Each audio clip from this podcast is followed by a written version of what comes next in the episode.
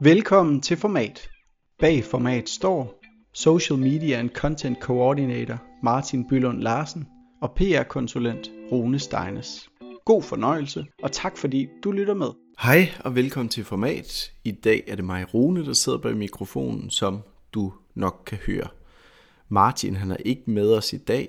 Han nyder livet. Han ferierer på den anden side af jorden, var jeg lige ved at sige, i Peru. Så alle gode tanker til dig derude, Martin. Du hører formentlig ikke det her, men så er det godt, at jeg har en masse andre lyttere derude på den anden side. Tak for det. I dag vil jeg snakke om LinkedIn.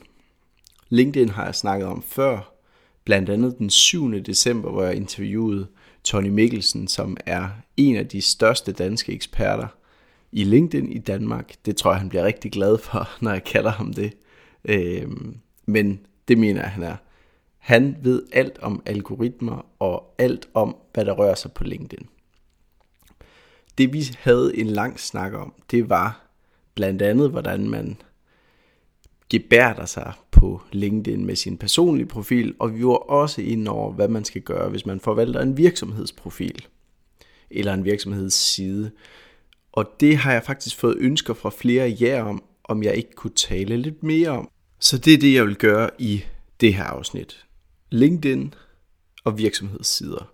Med fokus på naturligvis den virksomhedsside, som jeg forvalter, som nemlig er for Louis Nielsen. For at forstå, hvorfor Louis Nielsens LinkedIn-profil er kommet dertil, hvor den står i dag, så skal vi have et lille historisk tilbageblik. og det lyder tungt. Det er det sådan set ikke. Øh, historien er bare, at da jeg tiltrådte som øh, PR-konsulent i sin tid for fem år siden hos Louis Nielsen, der havde man en virksomhedsside, som egentlig bare eksisterede. Øh, der var ikke hyppige opslag på den. LinkedIn-siden var på et tidspunkt blevet oprettet et sted i organisationen, og der var ikke rigtig nogen, der passede den, og der var ikke nogen, der havde en strategi for den. Det er formentlig et billede, som mange af jer kan genkende derude, og hvis I ikke allerede har prøvet øh, at have en SoMe-profil eller et andet projekt, der opstår på den måde, så kommer I garanteret til det. Men her vil jeg selvfølgelig give nogle råd til, hvordan du kan undgå det, eller hvordan du kan omdanne eller transformere din LinkedIn-side. Øh, du kan også bruge det i andre henseender til at blive inspireret.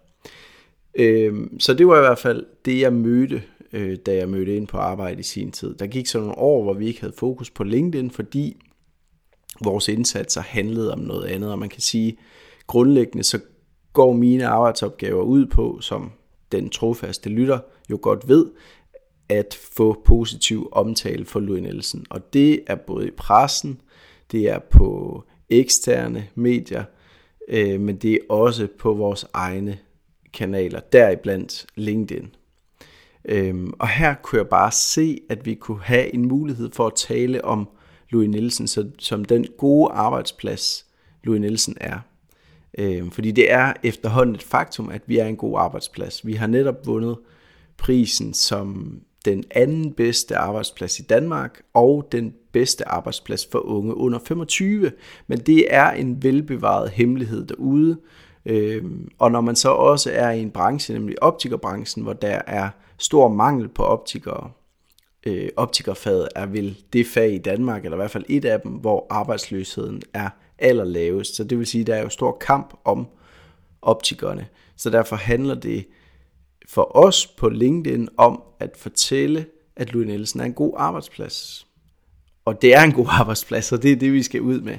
Øhm, og det besluttede jeg mig egentlig for relativt hurtigt, da jeg overtog øh, LinkedIn, at det var det, vores LinkedIn den skulle formidle. Den skulle formidle alle de gode medarbejderhistorier, som vi har derude, og den skulle gøre det med en autenticitet og en nerve, som man ellers ikke møder på LinkedIn, eller i hvert fald sjældent møder på LinkedIn. Så det jeg gjorde, det var, at øh, jeg tog, og det gør jeg stadigvæk, jeg tog og jeg tager de historier, vi får ind om vores medarbejdere, og så transformerer jeg dem til LinkedIn-historier. Og det er simpelthen et dogme for mig. Det er, at alle historier, som vi bringer på LinkedIn, de skal handle om vores medarbejdere. Så det vil sige, hvis man forestiller sig, at vi lancerer en ny brille, så ligger vi ikke det på LinkedIn, fordi det er et salgsbudskab, det er en ny brillekollektion, det hører sig til i andre medier. LinkedIn er ikke en salgskanal for os, hvad briller og hvad linser og øjensundhed angår. Det giver måske sig selv, men jeg oplever alligevel mange virksomheder, som laver opslag for deres produkter. Og det er jo selvfølgelig relevant, hvis man hedder Tony Mikkelsen og sælger LinkedIn-kurser. Men der er altså for mange virksomheder, for hvem det ikke er relevant, at, at lave opslag for deres produkter. Så det besluttede jeg altså hurtigt, at vores LinkedIn, Louis Nielsens LinkedIn, skal kun bruges til medarbejderhistorie. Punktum. Det gør faktisk også mit arbejde lettere, fordi det vil sige, når jeg leder efter historier, og når jeg får historier ind fra kolleger, når nogen tipper mig, så ved jeg, at den vinkling, jeg ligger på opslaget, den har medarbejderen i centrum. Det betyder, at med det dogme, så bliver jeg faktisk begrænset i mit arbejde, og det kan lyde mærkeligt, fordi begrænsninger er jo ofte en hemsko, men det synes jeg faktisk ikke, det er i det her tilfælde. Fordi i og med, at jeg ved, hvilke ingredienser et LinkedIn-opslag skal indeholde, så ved jeg også, hvad jeg skal skære fra, og hvad jeg kan fokusere på. Og det betyder faktisk, at jeg har en rigtig god rammesætning for mine opslag. Samtidig så hænger det jo en til en godt sammen med vores strategi om at fortælle verden og Danmark, at vi er en god arbejdsplads. Fordi den gode arbejdsplads, den udgøres af den nerve og de personlige historier, som vores medarbejdere har. Det er vores medarbejdere, som bærer vores arbejdsplads. Så derfor er det naturligt for os at tale om den enkelte medarbejder og få et kig ind i den enkelte medarbejders historie. Jeg ser ofte opslag på LinkedIn, hvor der bare står, vi fejrer Hanne i dag, 135 års jubilæum. Man kommer ikke ind bag Hanne, man kommer ikke ind i materien, man hører ikke, hvorfor valgte hun den og den virksomhed for 30 år siden. Hvad var det for nogle gode, sjove historier, som hun har haft med på vejen? Hvad var det, der gjorde, at hun er blevet i virksomheden? Hvad kan Hanne, og hvad kan virksomheden tilbyde Hanne, der gør, at hun er blevet der i så mange år? Det er grundlæggende historiefortælling, det handler om. Og derfor ligger det jo også naturligt, at forvaltningen og historiefortællingen på vores LinkedIn ligger i PR, netop fordi, at storytelling er en kæmpe stor del af vores LinkedIn-side og af vores opslag. Alle vores opslag rummer en historiefortælling, som går dybere, som har autenticitet og som fortæller om den enkelte medarbejder, eller på en unik måde, håber jeg, øh, uden alle flosklerne, viser hvilke værdier Louis Nielsen står for.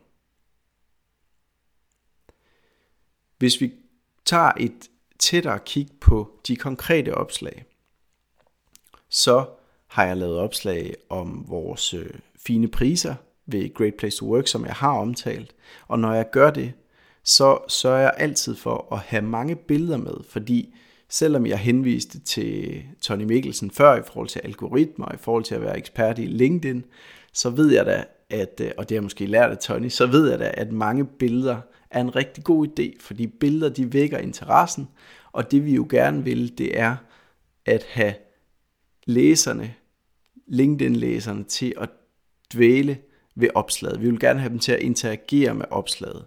Trykke på billederne, kigge billederne igennem, like opslaget selvfølgelig endnu bedre, trykke læs mere, så man læser den fulde tekst, og endnu endnu bedre kommentere opslaget, fordi at en kommentar på et opslag gør, at opslaget ryger meget længere ud. Jeg tror, det er en faktor 3 eller 4. Det kan vi lige tjek med, med Tony. Det kan du i øvrigt også høre i afsnittet fra den 7. december, som jeg omtalte før med Tony Mikkelsen, fordi der er vi også inde i det. Så hvis du ikke allerede har hørt det, så smut lige forbi. Men lad os komme tilbage til den her konkrete case, virksomhedssider Louis Nielsen. Mange billeder, det kan gøre, at brugerne de interagerer med det, det kan gøre, at man trykker på det, og jo mere interaktion, jo gladere er LinkedIn for et opslag, jo flere LinkedIn-brugere ryger det her opslag ud til. Og for os, som ikke har særlig mange følgere, jeg tror vi er på cirka 3000, der er det vigtigt for os, at vores opslag kommer godt ud. Vi er også en lille branche, så derfor skal man ikke tage antallet af visninger og sammenligne med Lego eller nogle andre store virksomheder. For det her, det handler for os om at komme ud til de rigtige. Det handler ikke så meget om at komme ud til en masse. Men selvfølgelig hænger de ting jo også sammen. Øh, det er klart. Men vi oplever snilt en 2, 3, 400 likes på vores opslag. Og det synes jeg er rigtig fint. Udover billeder, så gør jeg rigtig meget ud af at kæle for de første to linjer, fordi som du sikkert også ved, så er det de første to linjer i et LinkedIn-opslag, som man ser både på desktop og også på telefonen, når man scroller ned igennem sit feed. Og det er de her to linjer sammen med billederne, som skal lokke, ej lokke det er et dårligt ord, men som skal tease for opslaget, og som skal få LinkedIn-læseren til at trykke læs mere, og til også forhåbentlig at interagere med opslaget ved at like eller ved at kommentere.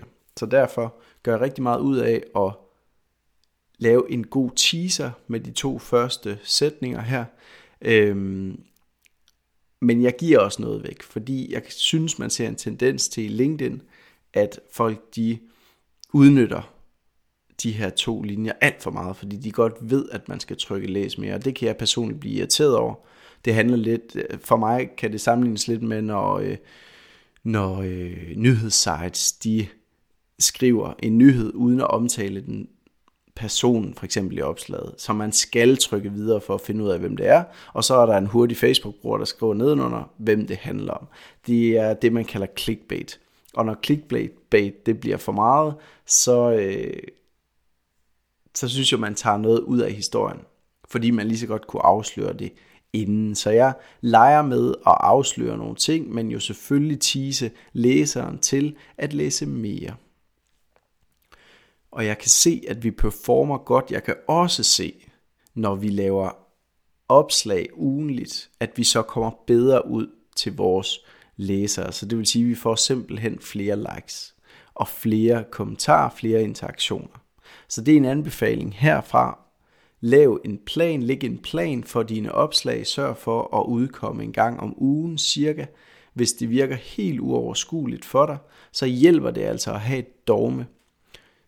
Vi har dogmet om at fortælle om vores medarbejdere, og jeg er også sikker på, at der vil være et dogme for jer derude, som kan være relevant. Det kan være nogle hemmeligheder omkring jeres virksomheder, som I egentlig gerne, gerne vil have ud i verden. For os, der er det jo, at vi er en god arbejdsplads. Det er der ikke så mange i Danmark, der ved endnu.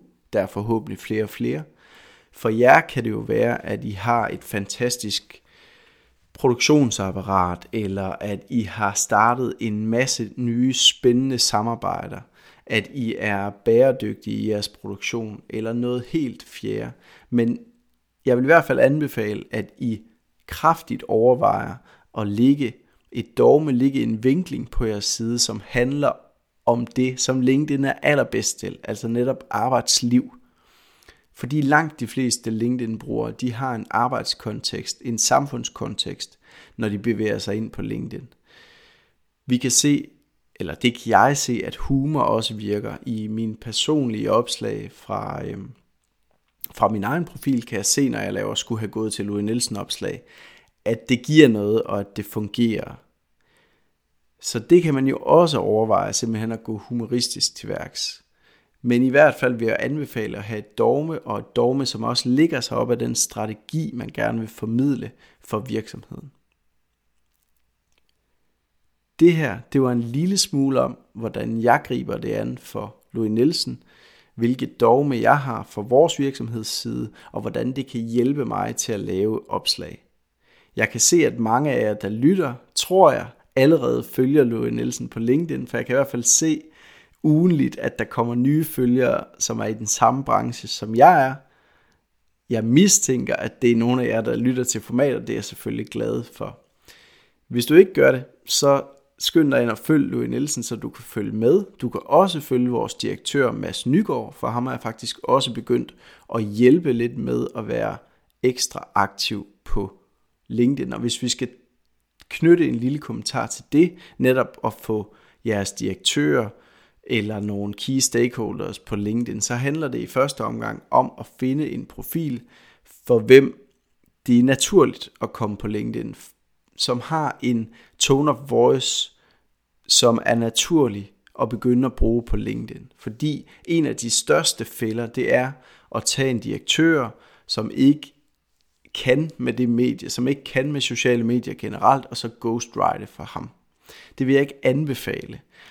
Derfor vil jeg anbefale en, som har en tone of voice, en, som har en plads i virksomheden, et hjerte, hvor det er naturligt at tale på LinkedIn. Også at tale med en personlig tone of voice. Og det synes jeg er lykkedes meget godt i det små med Mass her. Vi har en masse mere på hjerte, både for Louis Nielsen, også for Mads, det er jeg helt sikker på. Så følg med derinde og skyd endelig flere spørgsmål, flere ønsker, som I har gjort også med det her afsnit. Tak fordi du lyttede med, og vi ses bare om 14 dage. Tak fordi du lyttede med. Vi håber, du fik nogle konkrete råd, du kan bruge i dit eget kommunikationsarbejde. Hvis du kunne lide det, du hørte, må du gerne give os en anmeldelse eller dele videre til en anden.